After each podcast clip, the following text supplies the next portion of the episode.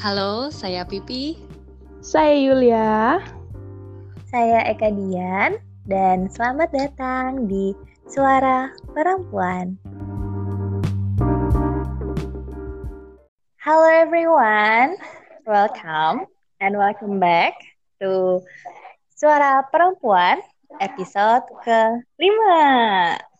Apa kabar kalian semua? Semoga senantiasa sehat, semangat, shining, shimmering, splendid. Malah nyanyi. Oke, okay. kali ini episode kali ini suara perempuan tuh sedikit berbeda karena kita kedatangan tamu terhormat yang berbaik hati meluangkan waktunya untuk bergabung dengan kita di sini, berbincang, berdiskusi. Mari kita sambut Your Highness. Luar biasa perkenalan yang terlalu ya. Iya, ini ada karpet merah loh di sini, karpet merah virtual. Hai, Hai everyone. Jadi aku Tri Novini. Halo semuanya, salam kenal. Aku mau dibilang expert enggak, profesional juga belum. Jadi aku sebagai bidan, aku bidan muda yang baru praktis sekitar 3-4 tahun dan mau berbagi beberapa hal dengan kalian semua. Ini sekarang uh, profesinya sebagai bidan ya jadi pas banget soalnya kan kita episode kali ini kan ngomongin tentang hak perempuan yang terlupakan di mana haknya itu adalah apa Yulia? Oh, jeng jeng jeng. hak reproduksi dan seksual. Uh, seru banget ini reproduksi. Banget, which is itu kedatangan Tri ketika kita bahas topik ini tuh sesuatu yang istimewa banget soalnya kita bakal ada insight-insight dari dunia yang emang terjun langsung di lapangan dari yang profesional. Betul banget. Makasih ya Tri telah bergabung. Iya. Semoga bisa berbagi banyak. Amin. Amin. Oke, okay. hak reproduksi itu maksudnya gimana sih? Jadi kalau kita ngomongin soal hak reproduksi, seperti hmm. kita ngomongin HAM pada umumnya, hak Benar dasar. Uh-uh. Iya. Jadi hak reproduksi itu hampir nggak ada bedanya sama HAM. Bahkan hak reproduksi itu bagian dari HAM. Nah, Hmm. Yang membedakan adalah kalau HAM itu mencakup seluruh hidup kita, hmm. kan, mulai dari hak hidup, hak kebebasan, hak uh, dan berbagai macam hak lah. Nah, salah satu bagian dari HAM itu sendiri adalah hak reproduksi yang lebih concern ke bagaimana seorang individu itu memfungsikan menghormati dan menghargai hak-hak reproduksinya dan hak-hak reproduksi orang lain seperti itu. Seperti itu sih garis besarnya. Jadi ini tuh mencakup laki-laki maupun perempuan ya hak reproduksi ini. Iya, iya, benar banget. Jadi itu ini kan muncul bahasan ini tuh awalnya dari Yulia gitu kan. Yulia tuh kan nge-share hmm. perbincangan kamu, perbincangan kamu, perbincangan kalian. Terus bahaslah tentang hak hak reproduksi itu. Terus kalian tuh per, sempat nyinggung apa sih 12 poin ternyata tuh hak reproduksi dan seksual itu terdapat 12 poin gitu tentang hak hmm. tersebut. Iya, apa aja boleh diceritain nggak? boleh ceritain. Jelasin gitu loh, Neng. Kita bacain satu-satu aja ya. Iya, baiklah. Ada 12 hak reproduksi. Sebenarnya namanya hak seksual dan reproduksi menurut IPPF, hmm. itu International Planned Parenthood Federation yang dikeluarin tahun 96. Nah, isinya tuh ada 12 nih. Yang yeah. pertama hak untuk hidup, yang kedua hak atas kemerdekaan dan keamanan, hmm. Terus hak atas kesetaraan dan bebas dari segala bentuk diskriminasi, hak atas kerahas kerahasiaan pribadi. Ya. Ini masih umum banget kan uh. ya? Hak atas kebebasan berpikir, uh. hak mendapat informasi dan pendidikan. Yang ketujuh, hak untuk menikah atau tidak menikah serta membentuk dan merencanakan keluarga. Delapan, hak untuk memutuskan mempunyai anak atau tidak dan kapan punya anak. Yang sembilan, hak atas pelayanan dan perlindungan kesehatan. 10 hak untuk mendapatkan manfaat dari kemajuan ilmu pengetahuan, mm-hmm. 11 hak atas kebebasan berkumpul dan berpartisipasi dalam politik, dan yang terakhir, hak untuk bebas dari penganiayaan dan perlakuan buruk termasuk hak-hak perlindungan anak dari eksploitasi dan penganiayaan seksual. Wow. Wow, jadi itu ke-12 Gitu. ya. Ke-12 hak seksual dan reproduksi yang dirumuskan oleh IPPF. Sebagaimana yang udah di- Iya. disebutin sama Tri. Jadi kalau misalnya dari kita lihat dari ke-12 hak itu kan sebenarnya poinnya tuh groundnya ada tiga, tiga, tiga pembahasan. Yang pertama itu otonomi terhadap tubuh dan pikiran sendiri.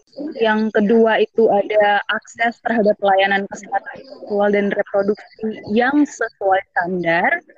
Dan yang ketiga ini juga yang penting banget itu adanya legislasi yang pro terhadap hak perempuan khususnya terkait uh, dalam kaitannya dengan hak seksual dan uh, hak reproduksi. Jadi tiga Hmm. rumusan itu yang nanti bakal jadi um, benang merah pembahasan pembahasan kita tentang hak Hak iya, reproduksi reproduksi dan seksual. Kalau kan tadi ada jadi 12 poin itu kayak bisa kita pecah menjadi tiga apa ya? Tiga kategori gitu kan. Hmm. Yang pertama otonomi terhadap tubuh sendiri. Aku apa ya? Aku tarik sama poin yang keberapa itu yang hak untuk menikah atau tidak menikah gitu. Terus hak untuk punya anak atau tidak. Iya. Sebenarnya tuh emang hak kita ya untuk memilih apakah kita akan menikah atau apakah kita setelah menikah kita ingin punya anak atau tidak gitu. Iya dong. Itu hak yang betul-betul eh, harus dihargai sih untuk setiap orang. Jadi kalau misalnya kan kemarin tuh ada episode suara perempuan yang kapan Hmm. nikah. Nah, itu benar-benar bersinggungan sama hak reproduksi.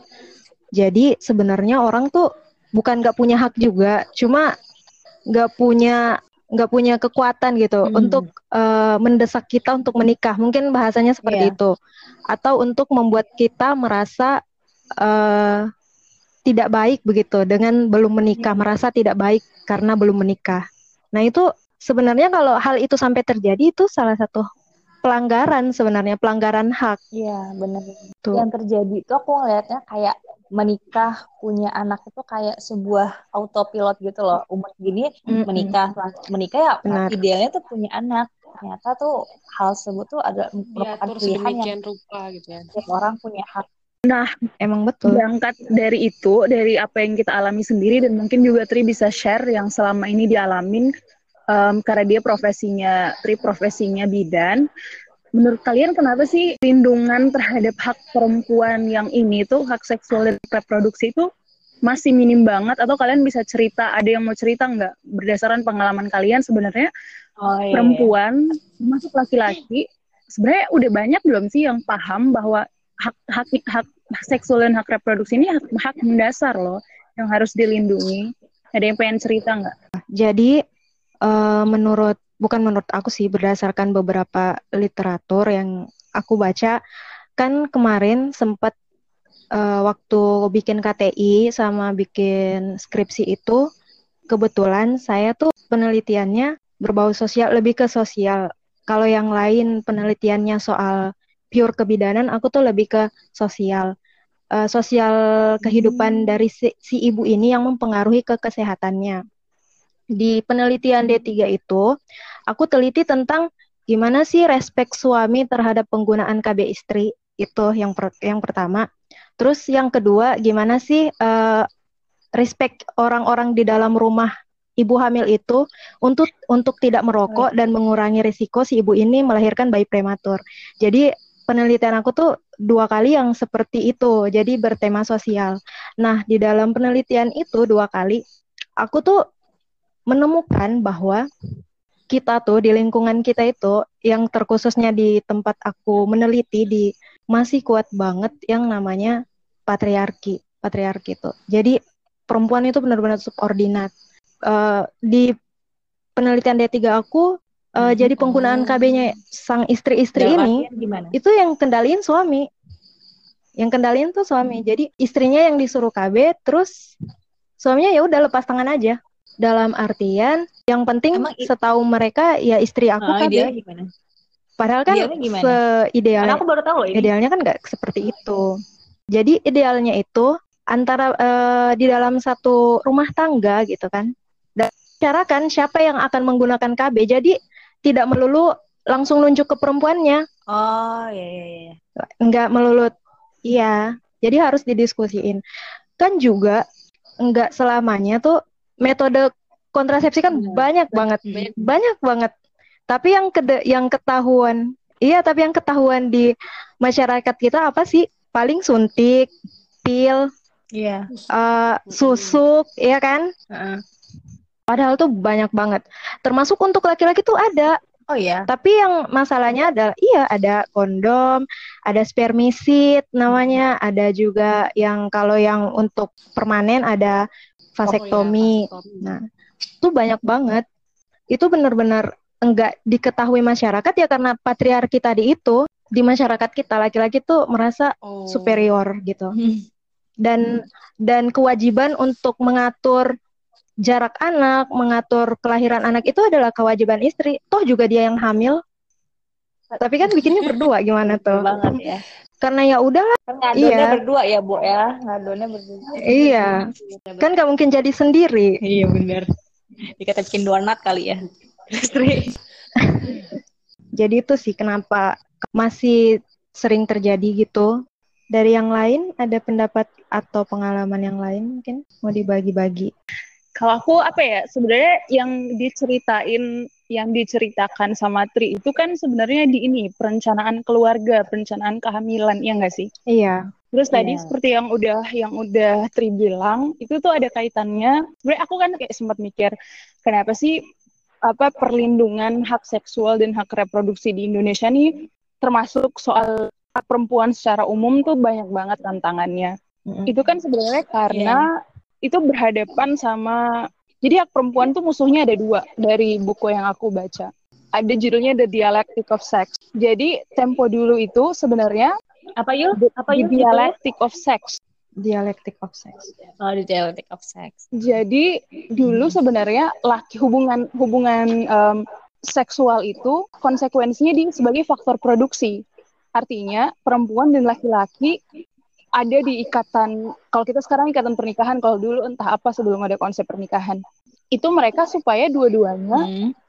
bisa jadi faktor produksi. Jadi awalnya yang untuk pemenuhan kebutuhan itu tenaga produksinya cuma satu jadi dua kan karena suami sama istri melakukan hubungan seksual which is konsekuensinya mereka juga bertanggung jawab untuk pemenuhan kebutuhan sehari-harinya.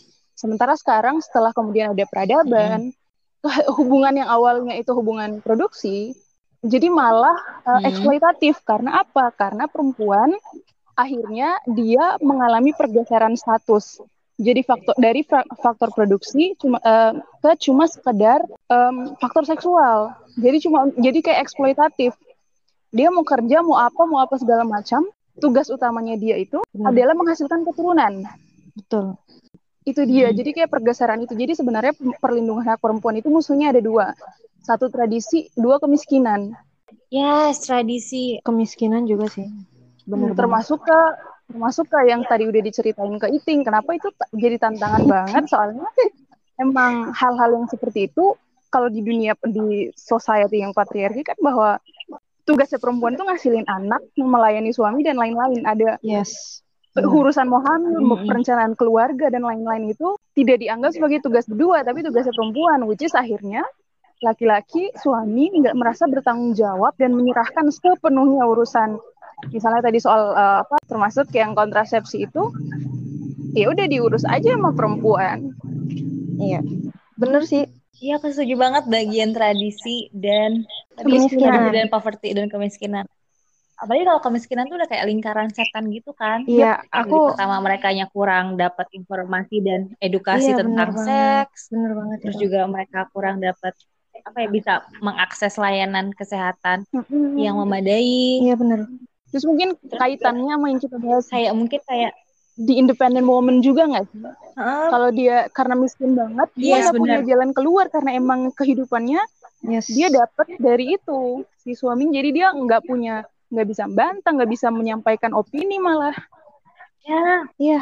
nggak punya kuasa Mm-mm. gitu ya atas dirinya sendiri. Dan itu mm, soal kemiskinan itu emang waktu aku penelitian kemarin itu emang yang sikapnya buruk tuh emang yang itu, yang penghasilannya menengah ke bawah. Masalahnya tuh ada di setiap lapisan masyarakat gitu dari yang paling tinggi negara sebagai payung hukum, terus juga kita sebagai masyarakat seksual juga banyak gitu masalahnya yang sehingga kenapa hak-hak reproduksi dan seksual ini um, belum bisa terpenuhi dan dipenuhi oleh semua orang gitu. Apalagi patriarki juga. Ya perempuan tuh harus punya anak gitu. Terus hamil terlalu sering juga. Jadi kayak punya anak itu kayak nggak ada peta berpikir yang peta berpikir. Jadi kayak kalau aku karena aku pribadi mikirnya sebelum nikah uh, pembicaraan punya anak, kapan punya anak, terus uh, punya anak berapa, rentang jarak usia hamil anak, anak kedua gitu berapa lama gitu kayak hal yang perlu diomongin sebelum menikah malahan. Jadi kan kesepakatan berdua kan karena kata Tri tadi KB aja itu kan bukan uh, urusannya perempuan tapi juga urusan laki-laki gitu. Karena buatnya iya, berdua ya, sama aja kayak Bener. punya anak kan harus direncanakan. Keluarga, keluarga berencana namanya juga kan keluarga berencana kan itu kan sesuatu yang perlu direncanakan gitu. Jadi kayak iya. orang-orang iya nikah dulu aja rezeki nyusul. Iya punya anak nanti rezekinya ada rezeki anak which is mungkin nggak sepenuhnya salah gitu kan. Tapi kan ya harus make sense lah. Anak kita hamil terus keluarnya bayi. Manusia yang masih tidak berdaya yang perlu dididik perlu di apalagi yang jargon ini loh banyak anak banyak rezeki gitu-gitu. Dijaga dan itu kan butuh effort gitu biaya butuh kecuali kalau kita hamil keluarnya langsung jadi buruh gitu. Buruh yang punya skill yang bisa langsung kerja di pabrik. Itu kan bisa membantu perekonomian sedangkan kan yang keluarnya kan bukan buruh. Tapi kan masih anak-anak yang perlu dibimbing. masih tidak berdaya. Dan yang diomongin yang diomongin Dian tuh um, penjabaran dari poin dari poin kedua dan tiga poin dasar yang tadi kita omongin di awal. Yang hmm. bagian akses terhadap um, pelayanan pelayanan pelayanan hak seksual. seksual dan hak reproduksi soalnya sebenarnya idealnya perlindungan salah satu cara kita cara negara melindungi hak seksual dan hak reproduksi itu itu salah satunya memberikan pelayanan ketika dalam persoalan perencanaan keluarga. Sebenarnya kan kalau setahu aku kayak di Jogja, di Jakarta itu sebelum nikah mesti harus ke konsultan pernikahan dulu kan untuk oh. dikasih tahu bahwa benar-benar benar perlu di kayak ya, dikasih ya. ilmu gitu ya sebelum makan akses itu terbatas. Aku kan punya kakak tingkat ya yang yang S2 di Jogja dan dia tuh melakukan ini konseling kayak pranikah gitu. Dan ternyata tuh kayak emang semua orang harus di Jogja tuh iya, kayak gitu ya harus kayak mes gitu loh. Dibutuhkan banget. Berarti secara iya, dini jadi... mereka udah di ya ibaratnya dikasih tahuan ya. tentang bagaimana layanannya. Hmm. jadi kan kayak mungkin gak semua orang punya pemahaman ke sana ya ini aja aku punya pemahaman kayak gini karena aku kuliahnya di psikologi gitu. Jadi aku tahu oh ada namanya layanan konseling pranikah. Tapi bagi orang-orang yang nggak tahu, tapi dari pemerintah yang ngasih layanan, jadi mereka tahu gitu. Jadi akhirnya mereka oh Iya bener banget. Makanya kalau aku menurut aku hal-hal yang kayak gitu penting untuk uh, dibuat mandatory dan dibuat aksesibel secara fisik dan secara ekonomi. Mengingat masyarakat kita emang masih banyak yang menengah ke bawah kan. Jadi itu orang harus punya akses untuk tahu sebenarnya saya ini berhak tentang apa sih, berhak terhadap apa sih. Gini, kalau dari aku ya, kalau ngebahas soal program-program pemerintah, kan aku kuliahnya di bidang kesehatan gimana ya? Itu tuh kental banget. Dan setahu aku, setahu aku tuh dari BKKBN sendiri udah ngeluarin salah satu website untuk persiapan pranikah persiapan nikah gitu, kayak website pranikah, yang awalnya tuh kita disuruh ngisi kuesioner. Nama websitenya siap nikah, siapnikah.org kalau nggak salah. Oh. Nah, itu salah, iya. Jadi ini sekalian aku ngasih tahu ya, kayaknya belum pada tahu. Jadi PKKBN tuh sebenarnya udah punya. Sebenarnya kan emang selama ini di setiap sekolah tuh emang harusnya idealnya tuh ada tempat untuk konseling konseling reproduksi remaja. Itu kalau kita bicara sistem ya, idealnya tuh udah ada. Sebenarnya kalau kita bicara sistem tuh udah berusaha mencakup, tapi mungkin kurang dari segi sosialisasi atau apa, nggak tahu juga. Tapi kalau dari BKKBN sih, kalau ngomongin soal pranikah itu udah ada websitenya siapnikah.org gitu. Nah sekarang pertanyaannya berapa orang masyarakat Indonesia yang punya akses terhadap internet? Pendekatannya kalau saya pribadi menurut nah, menurut dia. saya pendekatan pendekatan yang harus diubah, harus disesuaikan dengan kultur dan demografi masyarakat. Kemudian itu ya, soal ya, pranikah itu itu mandatori atau enggak? Atau ya udah yang mau nggak nyari, yang nggak mau yang atau yang yang nggak tahu ya udah. mau tahu atau nggak tahu itu urusan masing-masing. Kan yang kayak gitu-gitu yang harus di, dipikirkan kembali. Iya, poin yang disampaikan Yulia itu sebenarnya ada loh. Di kita aku nih mencoba mencocok-cocokkan apa yang kita harapkan. Aku ngecocokin sama yang ada di sistem dan ternyata apa yang disebutin barusan sama Yulia itu udah ada di strategi RPJMN Kemenkes 2020-2024 penjabaran poin ke satu itu itu perluasan akses dan kualitas pelayanan KB dan Kespro sesuai wilayah. Wow. Sesuai tadi yang dikatakan Yulia. Jadi itu udah ada sebenarnya tuh udah ada sistemnya tuh udah udah ada gitu. Udah ada Kenapa tapi ada mungkin tapi udah ada tapi mungkin masalahnya itu ya kali mungkin cara penyampaiannya entah sosialisasinya yang kurang efektif kurang Iya. efisien yang kurang apa ya mencapai target segala macam gitu dan mungkin juga masalah di masyarakatnya yang masih menganggap ngomongin ini masih tabu gitu itu sih kalau kalau kayak Benar. pendidikan masalah iya masalah yang paling utama tuh soal itu Bener-bener. karena kurangnya percakapan karena dianggap masih tabu kayak pendidikan hmm, seks pendidikan seks kayak ngomongin seks tuh ngomonginnya masih tabu gitu loh kalau pipi pipi Kalau dari aku masih bersinggungan dengan yang disampaikan sama Tri tadi. Jadi kan perlu adanya pengenalan gitu. Yang sejak dini itu seharusnya ada berarti pengenalan lah tanda kutip ya untuk pembahasan tentang ha, ha. reproduksi ataupun seks itu tadi. Nah, kalau dari pengalaman aku sama Dian, kita kan satu sekolah nih, satu SMA. Kita di kelas berapa ya, Neng ya? Kelas kelas 2 atau kelas 3 SMA itu kita udah ada pelajaran tentang sex education gitu. Jadi kita membahas sesuatu yang menurut pembahasan tuh terdengar tabu, cuman kita membahas itu gitu. Jadi kita mungkin disiapkan untuk beberapa pengetahuan dasar yang mana untuk kita sendiri sih. Jadi kan preventif untuk kita sendiri bukan ya biar kita tuh istilahnya nggak polos-polos amat gitulah. Jadi kita Iya, tuh harus benar. tahu apa yang ada di diri kita gitu, aksesoris apa yang menempel di kita. Kok aksesoris sih? sorry ya Tri emang diksinya dia emang kayak gitu. Udah kalau Pipi sama Dian yang bilang mungkin nggak terlalu relatable soalnya sekalian kan sekolahnya di sekolah swasta dan sekolah tajir. Mungkin kalau aku sama Tri yang ngomong yang bakal lebih relatable soalnya kita sekolahnya sekolah negeri. Nggak tahu sih Tri dulu aktif nggak di ini di PKRR Nah, enggak enggak. Kalau saya memang kebetulan aktif di PKRR. PKRR itu Pusat Informasi dan Konseling Kesehatan Reproduksi Remaja. Samanya Hmm, sama, BKKBN. sama BKKBN. Terus nanti pelaksanaannya sama UKS, kerjasama sama pengelolaan UKS. Jadi sebenarnya emang UKS. bener, tapi nggak tahu sih sekarang itu masih ada apa enggak. Udah terlalu lama kita tamat SMA. Oh. Masih kok. Yang kayak gitu-gitu malah sekarang jadi apa ya? Jadi rencana pembangunan jangka menengah. Concern banget sih kelihatannya kalau pemerintah sih bikin konsep mah. Concern Kalau banget, tapi ya Konsep dari gitu. dulu selalu komprehensif, I think.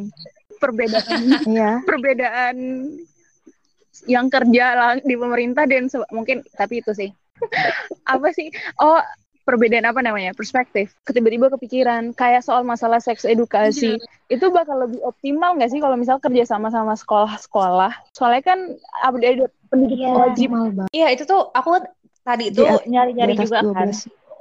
jadi tuh ada menurut Hmm. Departemen Kesehatan RI 2002 tuh hak kesehatan reproduksi salah satunya adalah remaja laki-laki maupun perempuan berhak memperoleh informasi yang tepat dan benar tentang reproduksi sehingga dapat berperilaku sehat dan menjalani kehidupan seksual yang layak. ah nah Tapi kan aku kerjanya di ini ya, di lingkup lingkup sekolah ya. Mm. Nggak ada. Mungkin nggak ada sekolah yang sudah ada. menerapkan eh, pendidikan seks, ada sekolah yang belum termasuk sekolah aku gitu. hmm. Bahkan kalau di sekolah aku tuh kayak pacaran nggak boleh segala macam. Ya pacaran boleh nggak boleh itu kan maksudnya balik lagi ke perspektif orang ya. iya Yang lebih sebenarnya yang lebih penting tuh reasoningnya gitu loh. Kenapa nggak boleh? Kenapa boleh? Kalau aku sebagai guru BK tuh kalau ada yang pacaran tuh aku ajak ngobrol gitu siapa pacarnya, terus kayak do and don'ts-nya gitu loh. Soalnya anak-anak ngomongin nggak boleh pacaran, ya kita nggak bisa ngelarang gitu. Bisa ngelarang kan sebagai guru kayak mereka mah iya iya aja di belakang kan siapa yang tahu. Daripada kita ngomong tidak boleh atau boleh, tapi reasoningnya gitu loh. Oh kalau pacaran tuh kalian Iya. tuh udah bisa hamil loh. Terus kalau hamil dini tuh uh, resikonya gimana gimana gimana terus uh, efeknya gimana apakah hamil dini itu berbahaya atau enggak terus Iya kayak efek-efek samping yang bisa, mereka tuh bisa pikir gitu. Oke, okay, kalau misalnya gue ini hamil pranikah di umur segini, ntar gue kayak gini kayak gini, ntar gue sip atau enggak ya. Balik lagi biar mereka mikir sendiri gitu. Kalau kalau boleh nggak boleh kan kayak mereka nggak disuruh mikir nah, kenapa nggak boleh, kenapa banget. boleh. Jadi pada dasarnya seks edukasi itu adalah penekanan ke edukasi dibanding yang emang sel selama ini banyak dilakukan yaitu lebih ke censorship. Iya kayak misalnya ngomongin kondom ke anak remaja itu kan tabu ya. Padahal ya diobrolin aja fungsi kondom adalah ini gitu.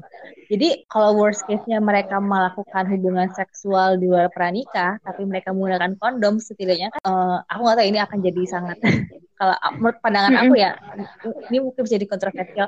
Setidaknya mereka melakukan yeah. hubungan seksual yang sehat karena pakai kondom. Aman, bukan iya, aman. aman. aman, meski yeah. terlepas dari eh, nilai-nilai agama ataupun norma sosial ya, setidaknya mereka melakukan hubungan seksual uh, yang sehat dan itu yang mengurangi kemungkinan untuk hamil, hamil di luar hamil di usia dini gitu. Kalau aku sih kalau kita bicara metode, metode untuk seks edukasi ada dua sih, ada dua. Emang benar satu sekolah itu memang penting karena bagaimanapun kan itu pendidikan formal yang notabene kan rutin ya. Setiap anak tuh pasti harus diikutkan. Tapi yang paling penting kedua adalah menanamkan seks edukasi sejak dini di rumah. Jadi di rumah dulu gimana orang tua itu merubah mindsetnya untuk tidak menabuhkan, tidak menabuhkan hal-hal seperti seks gitu loh. Dan ini tuh ini pekerjaan berat sebenarnya. Kalau yeah. kita mau mengubah kalau kita mau mengubah ini semua, kita harus startnya dari kita-kita ini, yang calon-calon nikah ini, calon-calon orang tua lah. Jadi bagaimanapun bagusnya hmm. seks edukasi di sekolah, kalau dia balik ke rumah dan lantas dia uh, ketika mau membicarakan itu dengan orang tuanya dan orang tuanya, hush apaan sih? Ya ngomong apa? Itu nggak pantas. Eh, sama aja. Jadi dia nggak akan iya, iya, punya media untuk kalau menurut aku nih ya pandangan aku untuk berbagi apa yang dia tahu seharusnya iya. bisa balance sih dan seharusnya bisa dimulai dari rumah. Iya, emang harus bersinergi juga sih pendidikan tuh yang di sekolah dan yang di rumah. Terus juga mungkin dan boro-boro boro-boro ya. ngomongin tabu ya. Tri, kadang tuh gak semua anak ada ya. uh, ada di keluarga yang bisa ngobrol gitu. Punya waktu untuk ngobrol tipe-tipe iya. yang mau ngobrol sama anak gitu iya. karena mungkin ya gara-gara ekonomi udah capek kerja seharian pulang ke rumah buru-buru ngomongin sek edukasi iya. ya ngomongin kamu sekolah ngapain aja mungkin nggak sempat gitu ya baik lagi kan gara-gara ekonomi gara-gara kemiskinan yang kayak lingkaran setan gitu menurutku tuh semua orang harus terlibat jadi nggak hanya orang tua tapi juga uh, teman orang tua temennya anaknya uh, guru-guru di sekolah kemudian hmm. uh, keluarganya secara besar, secara meluas itu memang punya peran, harus punya peran sih kalau kita mau iya. ngomongin yeah. Seks edukasi. Hmm, kalau dari aku, kalau aku sih mandangin dari sisi generasi-generasi mudanya gitu kan. Jadi kalau misal generasi mudanya itu kita bekali dengan sex education, itu mungkin mereka bisa terarah gitu loh. Jadi mereka tuh tahu mana batasannya, tahu mana yang boleh, mana yang tidak. Mungkin mereka punya pilihan untuk melakukan atau tidak gitu ya, melakukan dalam tanda kutip. Ketika mereka tahu apa resikonya, ketika mereka tahu, oh kalau aku seperti ini, berarti nanti seperti ini gitu kan. Kalau hmm. misal education itu kan nggak hanya di sekolah sebenarnya, pun di rumah ada peran orang tua yang mungkin men bisa mengarahkan anaknya atau mendidik anaknya agar tidak keluar batas norma norma yang ada. Misal kayak kalau main dilarang di atas jam 9 atau gimana mungkin dari hal-hal kecil seperti itu setidaknya sedikit banyak bisa me, apa ya mengurangi lah resiko pergaulan bebas dan juga mungkin kita lihat dari pendidikan mungkin bisa diprogramkan untuk sekolah me, ya sesekali lah dalam kurikulum pembelajarannya itu disisipkan tentang sex education ya nggak harus full time kayak seminggu ada gitu nggak mungkin ada periodically lah istilahnya jadi pengenalan-pengenalan dasar tentang sex education atau tentang reproduksi misal atau intinya bersinggungan lah tentang apa yang aksesoris mereka gitu lah istilahnya gitu kan. Oke. Okay. mereka, mereka tahu lah. Mereka tahu apa organ mereka kegunaan apa dan resiko-resikonya ya, ya. Jadi mereka paham gitu kan. Ya bukannya mm -hmm. kita, sex education tuh bukannya kita mengajarkan enggak, tapi kita membicarakan sesuatu hal yang menurut orang zaman dulu nih itu notabene tabu untuk dibicarakan. Tapi kan seiring berjalannya waktu, ya kita harus mengenal dong apa itu yaitu mm -hmm. sex education. Jadi kan mungkin kalau dibahas di halayak umum kayak dibuat apa namanya semacam forum ya. Forum gitu mungkin buat ngobrol-ngobrol gitu. Ya, mungkin bisa kalau untuk apa ya, sekedar untuk kita mem membahas lah ibaratnya gitu, memberi sedikit pengetahuan. Jadi kan kita nggak bisa, kalau misal kita tuh jadi nggak bisa ngejudge, wah ini anak nakal, wah ini anak ini. Tapi tanpa kita tahu mereka tuh sebelumnya pernah nggak sih di briefing, pernah nggak sih mereka tuh mengikuti ibaratnya. Aku setuju itu. Aku mau nanggepin itu ya, pembahasan tentang seks edukasi yang udah disampaikan oleh Pipi terus sebelumnya juga sama oleh Dian dan oleh hmm. ada beberapa poin yang aku setuju dan beberapa poin lagi yang nggak necessarily nggak setuju sih cuman kalau aku mikirnya gini kalau aku menurutku ideal itu kadang utopis dalam artian kayak ada kalimat gini aku pernah baca gini it takes a village to raise a kid jadi kayak buat ngebeserin satu orang anak tuh dibutuhkan kayak semua orang yang ada di satu lingkungan komunitas itu itu ikut terlibat semua. Jadi kayak misal kalau mau dibilang hmm. harus yang berperan paling penting itu misal di sekolah atau di rumah, sebenarnya semuanya itu masing-masing punya tataran tataran yang beda. Misal ada hal-hal yang bisa dilakukan oleh orang tua, lebih tepat disampaikan oleh orang tua dan ada hal-hal yang hanya bisa mungkin disampaikan di sekolah. Misal kalau yang tadi aku menanggepin soal pipi yang mereka belajar tentang aksesorisnya itu kayak misal dari kecil dari dia zaman udah paham apa oton um, anatomi tubuhnya oh misal cewek ya oh ini payudara ini yang boleh ini kayak gitu yang boleh nyentuh ini siapa atau alat vital ini yang kayak gitu-gitu jadi oh, dia udah mulai bisa tahu cara melindungi dirinya gitu dari dari dini kemudian gimana yang dia tuh nanti bakal ber, berfungsi seiring dia nambah gede Terus mungkin aku aku termasuk orang yang uh, agak tradisional dalam pandangannya tentang beberapa hal atau apa ya kata yang tepat konservatif. Kalau aku tipenya aku enggak aku tipe orangnya pro choice.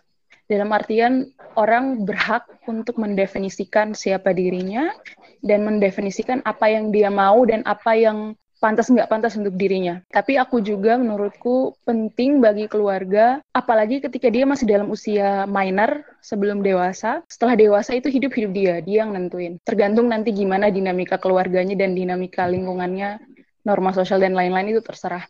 Tapi kalau misal dia masih minor, dia menurutku orang tua penting untuk mengajarkan standar-standar nilai. Soal nanti itu gimana nanti mau disampaikan itu itu urusan lain. Tapi bahwa hmm. ada percakapan tentang merasionalisasi nilai, tentang baik dan buruk, tentang what you supposed to do and you not supposed to do, menurut aku itu penting. Jadi kalau aku sih mikirnya ada hal dalam beberapa hal tertentu yang kita penting untuk lah jadi lebih apa ya lebih pragmatis gitu kali ya. Aku jadi bingung mau ngomongin apa sebenarnya. Iya iya iya. Tapi balik lagi kata kamu bahwa ideal itu utopis. Maksudnya mungkin idealnya uh, penanaman uh, informasi tentang seks edukasi dari uh, pengenalan bahwa organ-organ uh, private itu boleh dipegang nggak uh, boleh dipegang sama siapa hanya hanya boleh dipegang sama diri sendiri kan seharusnya idealnya kan orang tua menanamkan itu sejak dini mm -hmm. kan kenyataannya kan ya masih banyak orang tua yang tidak melakukan bahkan tidak melakukan percakapan sama anak bahkan nggak ngobrol sama anak gitu sih boro-boro tuh ngobrol hal basic aja iya. enggak gitu jadi ya balik lagi yang benar kata kamu juga bahwa uh, banyak apa ya elemen-elemen kayak tidak hanya keluarga mungkin keluarganya miss mm -hmm. gitu ya memberikan informasi tentang edukasi nah dibantulah mungkin di sekolah atau mungkin kan banyak ya kayak layanan-layanan video di YouTube juga tentang video animasi soalnya aku dulu pernah bikin pelatihan di PAUD gitu tentang hmm. teman aku bikin pelatihan di PAUD tentang mengenalkan edukasi ke anak TK dan PAUD dengan nyanyian dengan gerakan kayak gitu hmm. mereka lebih have fun iya uh, sih emang harus ya. disesuaikan sama tingkat ini tingkat usia mereka dan hmm. sebaiknya emang dimulai sedini mungkin Tri makanya sebelum memutuskan untuk akhirnya berkeluarga siapin dulu hal-hal yang nanti akan sangat iya. kritikal sangat vital akan sangat menentukan kehidupan sel fase selanjutnya. Oh ya, tadi kan kita udah ngomongin kayak hak-hak uh, 12 poin di awal kan tentang dari IPPF hak-hak uh, 12 poin tentang hak reproduksi dan seksual. Kan tentang hak ini berarti kita ngomongin uh, society nggak cuma kita sebagai individu kan, tapi kan ada uh, keterlibatan negara sebagai payung hukum untuk make sure bahwa hak kita terpenuhi atau kalau misalnya hak itu dilanggar akan ada konsekuensinya secara hukum. Nah, kalau menurut kalian tuh hukum di Indonesia tentang hak reproduksi dan hak seksual itu gimana sih? Apakah sudah melindungi apalagi kalau ada kasus kayak pelecehan uh, sexual abuse itu apakah sudah uh, melindungi korbannya gitu? Um, menurut kalian gimana? Kalau menurut aku sih, yang aku lihat di masyarakat, sebenarnya kalau kita mau ngomong payung hukum, ya belum sempurna oh, iya, sempurna banget ya. Dari Contohnya ya. kemarin kan yang sempat dibahas hmm. juga yang undang-undang itu, itu kan salah satu bentuk apa ya? Boleh dikatakan sebagai pengacuan lah. Kalau aku bahasainnya sih pengacuan. Kok hmm. bisa bisa bisanya sesuatu yang sepenting itu dianggap belum penting atau nggak penting sama sekali malah. Nah, kalau kita mau bahas tentang payung hukum sih ya emang belum sempurna.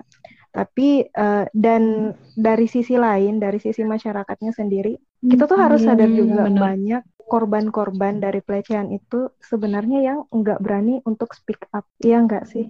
Uh, sebagaimanapun sempurnanya sebuah iya. peraturan atau hukum, kalau misalnya korbannya diam, hmm. nggak ketahuan lah. Nah sekarang yang harus kita fokusin adalah bagaimana kita mengedukasi atau mensosialisasikan pada masyarakat sebisa kita mm-hmm. bahwa kita ini punya hak untuk melindungi diri kita sendiri dan hukum pun mm-hmm. punya iya. kewajiban untuk melindungi kita seperti itu.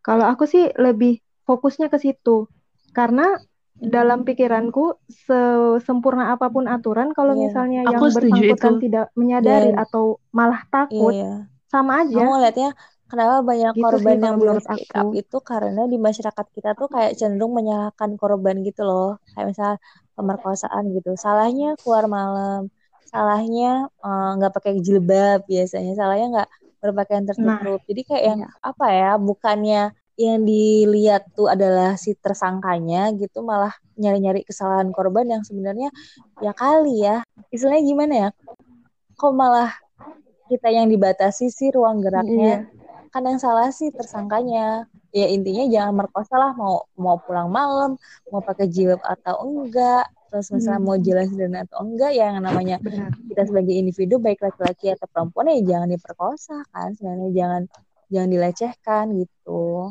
Makanya mungkin itu yang bikin korban takut untuk speak up ya. Dan aku paling keselnya ya tersangka tersangka pemerkosaan atau pelecehan seksual tuh kenapa di media itu dikasih diblurin mukanya terus dikasih nama samaraan D A F gitu kalian ngikutin gak sih kayak kasusnya Reinhard Sinaga? Oh iya. Nah, itu kan emang kayak dipampang banget kan sama media Inggris dalam artian oh ini loh mukanya ini, namanya ini dan iya, iya, iya. dipampang pun juga karena mereka ngekip dulu kan kasusnya ditelusuri dulu setelah udah make sure udah bener-bener baru mereka bener-bener ngasih info yang teraktual dan sesuai fakta gitu. Kalau di Indonesia tuh kayak mukanya di blur, terus namanya kasih samaran, terus korbannya yang jadi sorotan, korban yang di apa yang kayak dibully, dikucilkan gitu. Nah, so yang yang nggak bikin make sense di aku tuh kalau korban pemerkosaan tuh dipaksa nikah sama si pem, yang merkosa dia kayak aduh udah gila kali ya bayangin aja dia harus nikah sama orang yang Enggak. ngasih iya, dia apa ya trauma gitu dan dia harus nanggung itu itu aku juga wah aku harus ada ini enggak sih harus ada kayak dirombak secara sistematis gitu orang-orang yang terlibat di yang ngurusin kayak gitu-gitu, kayak caregiver caregiver di tempat-tempat penitipan anak, terus kemudian semua orang tuh di satu iya. komunitas di desa satu desa tuh tetangga as harus asertif semua nggak sih? Kayak kalau terus hukumannya kalau aku ini yang paling penting itu hukumannya harus berat banget dan victim shaming itu yang paling orang yang paling apa ya, yang paling damaging buat aku. Lebih ya, peduli kayak itu udah kayak hmm. udah kayak entertainment gitu gak sih kayak ih ini orang dilecehkan anak-anak bukannya jadi kayak fokusnya di di switch ke Iya. ke dia mengalami kejadian itu bukan bahwa ada orang yang kurang Korban. ajar banget yang bukan manusia Iya. ini yang melakukan ini terhadap Hmm. aku kesel banget dan apa Iya. hukuman itu sih yang harus yang harus dimaksimalkan kalau menurut aku sama yang paling penting menurut aku ya yang paling penting menurut aku tuh bantuan yang diberikan kepada korban setelah kejadian itu itu yang menurut aku masih kurang banget dan bisa jadi lingkaran setan loh maksudnya biasanya kan orang-orang yang cenderung mendapatkan uh, pelecehan seksual ketika kecil tuh cenderung akan Iya, melakukan benar. hal yang sama ketika dia dewasa dalam artian dia dia menjadi pelaku Mhm. gitu uh, uh, di kemudian hari gitu kan kan sebenarnya rootnya adalah dia pernah jadi korban dan dia tidak tertangani secara emosi dan psikis dan mungkin dia secara nggak sadar itu ya, kan nggak kejadian satu kali itu traumanya seumur hidup itu itu kan memba Iya. mem- meng- apa ya ini Dian orang Benar. psikologi mungkin bisa Setuju. ngasih perspektif tentang ini tapi aku dari berdasarkan yang kayak aku suka baca yang gini-gini tuh itu benar-benar nge men-switch apa ya me- me- me- merubah dia sebagai seorang pribadi secara fundamental dan gimana ceritanya perubahan yang kayak gitu dianggap tidak perlu dilakukan penanganan yang khusus gitu loh. Itu yang bikin aku agak ah come on Indonesia do jadi something. itu dia akan itu melakukan hal yang sama gitu. Menjadi pelaku gitu. Bener banget. Dan apa ya kayak pelecehan-pelecehan yang Iya. kayak bener. catcalling gitu. Kan soalnya apa ya kadang tuh kalau lagi lari pagi gitu dapat diliatin terus kayak yang di ya gitulah dapat panggilan-panggilan gitu kayak yang kenapa ya orang-orang orang-orang ini kan ada ada masalah apa sih sama self esteemnya ya kan kalau misalnya pengen kenalan ya kenal datang tanya nama dengan baik bukannya Kasih tak cetok tak cetok iya kan dan itu bukan cuma laki bukan laki-laki ke perempuan nomor aja ya, perempuan HP. pun melakukan yang sama ke laki-laki. Bahkan aku lihatnya laki-laki juga ini ya ada juga laki-laki yang dapat kasus pemerkosaan tapi karena karena apa ya mungkin dalam tanda kutip kurang awam Hmm. kali ya. Kayak ah laki-laki diperkosa gitu. Malah perempuan aja susah speak up apalagi laki-laki. Iya. Jadi ada timpangan juga di sini sebenarnya iya kayak laki-laki ini tuh bisa kejadian sangat malu bisa kejadian ke semua gen Iya, iya. Iya kayak sih. genderless namanya pelecehan seksual itu Iya, yang kata Yulia tadi, apa sih kayak fokusnya ke korban itu mungkin bisa di gara-gara ya karena medianya menyoroti si korban gitu. Karena kalau kayak yang Reinhard Sinaga gitu kan sorotannya kan ke si Reinhard itu kan bahkan pelakunya aja tuh bener-bener dijaga banget eh, da- datanya Korbannya. informasi itu bener-bener dijaga nyam- jangan sampai Heeh, korbannya jangan sampai tahu deh, jangan sampai ketahuan itu tuh siapa siapa siapa. Jadi yang benar-benar fokusnya itu si Rehat gitu. Dia ngelakuin apa, dia gimana cara dia melakukan kejahatan tersebut. Jadi benar-benar emang, oh orang-orang tuh pada shock atas apa yang dilakukan gitu. Kalau di Indonesia kan kayak yang apa, korbannya yang kayak di blow up banget gitu loh. Bukan si pelakunya. kayak itu terlalu apa ya Peran media juga berpengaruh. Multidimensional banget ya budaya media kita ini yang harus dibenerin Ah, kadang ngomong media. budaya bermedia topic for another day gitu Iya. kayak a whole complexity in its own. Anyway, dari semua pembahasan kita yang panjang ini, biar Afdol, kita masing-masing dari kita ngasih summary deh.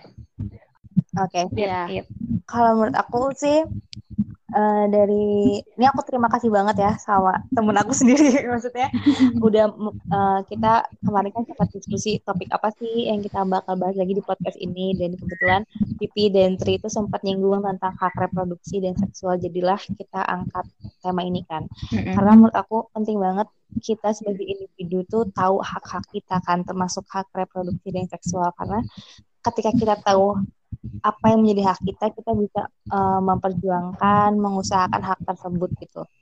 Eh, dan ketika kita tahu hak tersebut jadi kayak mindset kita tuh tahu bahwa apa ya eh, menjaga menghormati hak-hak setiap individu gitu. Karena ketika itu dilanggar ya sebenarnya kalau dibalik ya kita juga nggak mau kan hak kita dilanggar. Kita juga nggak mau misalnya kita dilecehkan atau misalnya kita diatur-atur haknya oleh orang lain. Dan juga kita jadi sadar bahwa oh ternyata uh, penanganan-penanganan atas hak-hak hak-hak kita secara hukum ini sebenarnya belum sempurna banget. Apalagi secara stigma sosial tentang pelecehan juga sangat apa ya sangat uh, memojokkan korban. Jadi kita lebih aware kita bisa sama-sama merangkul dan kalau yang awalnya mindsetnya bahwa oh iya perkosaan atau pelecehan seksual itu emang gara-gara kamunya aja nih tidak menutup aurat segala macam yang sangat-sangat uh, narrow minded ya istilahnya. Jadi kayak sadar bahwa korban-korban itu butuh uh, apa ya rangkulan tangan butuh ditolong tidak hanya secara materi tapi secara secara emosi. Jadi sangat penting mengetahui hak-hak kita terus memperjuangkannya dan sama-sama membantu setiap individu itu memperoleh hak-haknya tersebut gitu. termasuk diri kita sendiri. Yep. seperti itu. Kalau yang lain? Hmm, kalau dari aku dari perbincangan aku lebih ke sex education itu tadi ya guys. Jadi kan pengenalan tentang sex education dan hak reproduksi itu perlu diperkenalkan sejak dini maksudku. Maksudku itu sejak kita masih remaja gitu kan. Jadi sebelum mereka dalam tanda kutip terlanjur itu perlu kita briefing, perlu kita batasan tegas ini yang nggak boleh, ini yang boleh kayak gitu. Jadi mereka tetap harus paham bahwa nantinya sebagai generasi penerus sebelum mereka nanti menjadi dewasa kan kalau mereka nggak tahu nih batasannya apa apa aja mereka bisa ibaratnya nih udah bisa terjerumus duluan gitu dikhawatirkan kita sudah pencegahan lah istilahnya sejak ini biar mereka bisa menjadi generasi penerus bangsa yang lebih baik. Wah. Itu saja dari aku. Itu kali ya habis uh, biar Tri yang jadi tamu kita di episode ini bisa ngasih closing statement yang terakhir sekaligus um, yang nyimpulin. Um, kalau aku dari pembahasan kita yang panjang dan um, semoga valuable. Aku pengen um, menyampaikan tiga hal. Um, yang pertama, kalau aku menurutku penting untuk gimana ya ngomongnya, um, harus benar milih kata nih. Kalau aku berpikir secara personal, good and evil itu bakal selalu ada jadi ideal itu ideal itu in a way utopis. Tapi ideal dalam pengertian bahwa hak-hak orang itu terlindungi dalam konteks pembicaraan kita ini hak seksual dan hak reproduksi terlindungi dan dipastikan terlindungi itu harus diusahakan. Jadi dalam kaitannya dengan pandangan aku bahwa ideal itu utopis. Jadi menurutku penting ada dua hal yang penting. Pertama, kita orang per orang penting untuk um, menurutku ada menurutku kita penting untuk menjadi lebih pragmatis. Dalam artian lebih praktikal. Kalau sebab akibat soal preventif yang gitu-gitu tuh harus harus bukan berarti mengiyakan mengiyakan the poten, potensi evil ya tapi bahwa mengakui evil itu ada mak makanya kita harus preventif. Entah itu mau belajar sendiri mau belajar apa mau mau nggak jalan bareng teman itu terserah bentuknya. Tapi lebih pragmatis. Tapi nggak cukup. Soalnya negara bertanggung jawab untuk menjamin perlindungan hak-hak itu. Dalam arti perlindungan itu disampaikan di, diterjemahkan dalam bentuk apa? Dalam bentuk aturan hukum yang tegas berpihak kepada korban, melindungi korban dan menghukum setinggi-tingginya kepada orang-orang yang melanggar me, apa mengabuse hak-hak um, seksual dan reproduksi itu. Kemudian poin kedua yang pengen aku sampaikan um, seksual dan reproductive rights itu harus diakui sebagai hak dasar, hak yang melekat dalam um, keberadaan kita sebagai manusia.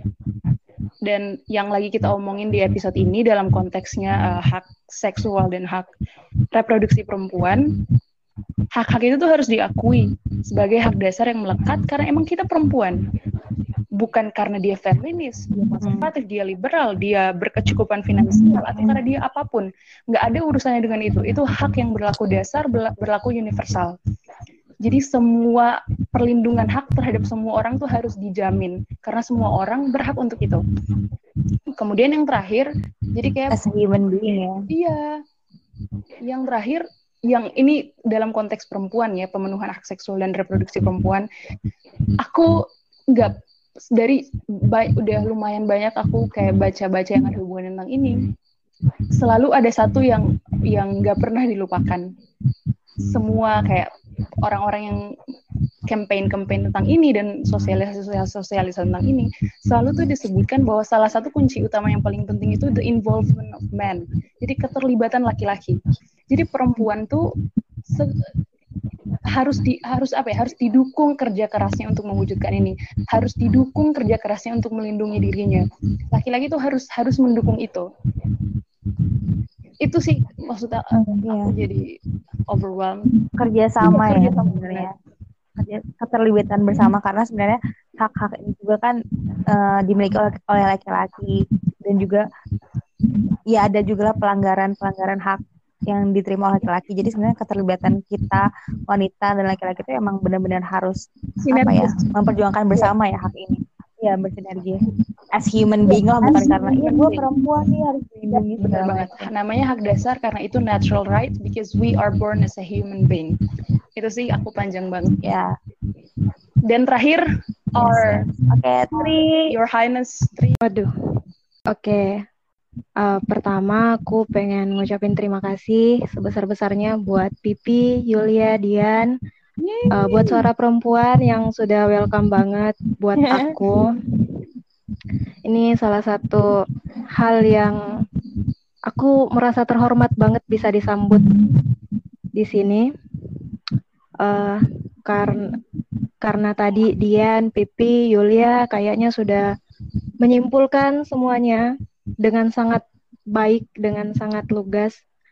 Aku cuma mau nitip pesan sebagai perempuan utamanya dan sebagai praktisi kesehatan, sebagai bidan yang banyak bersentuhan langsung dengan perempuan, aku cuma mau bilang bahwa hak reproduksi dan hak seksual itu adalah hal yang kompleks.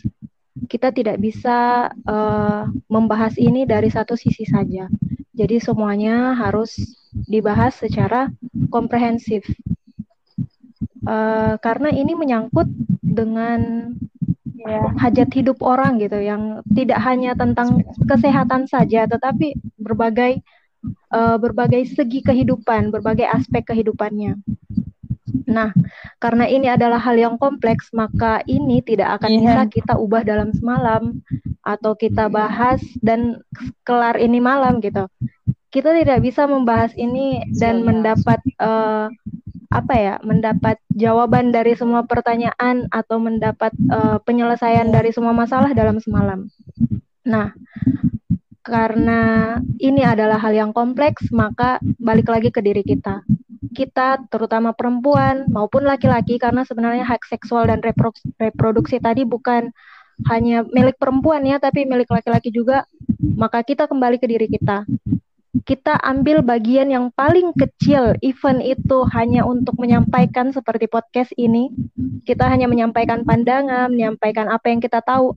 Tapi ini adalah sebuah langkah yang menurut aku besar banget besar banget karena kita nggak tahu efek apa yang akan kita uh, berikan kepada orang-orang yang mendengarkan podcast kita.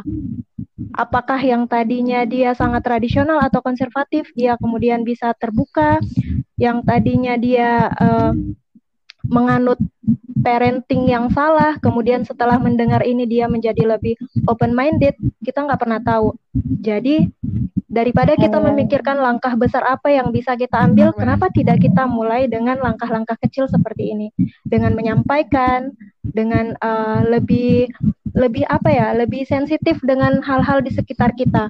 Bahwa kita harus pick up kita harus uh, bicara kita harus bertindak sekecil apa pun itu. Untuk melindungi hak kita dan hak orang lain. Itu aja dari aku sih. Thank you. Iya udah kawat merah, balon-balon di udara berterbangan, Tri. Terima kasih Waduh. banget. Iya bener banget itu. Luar biasa. banget. Even small act does matter ya. bener banget.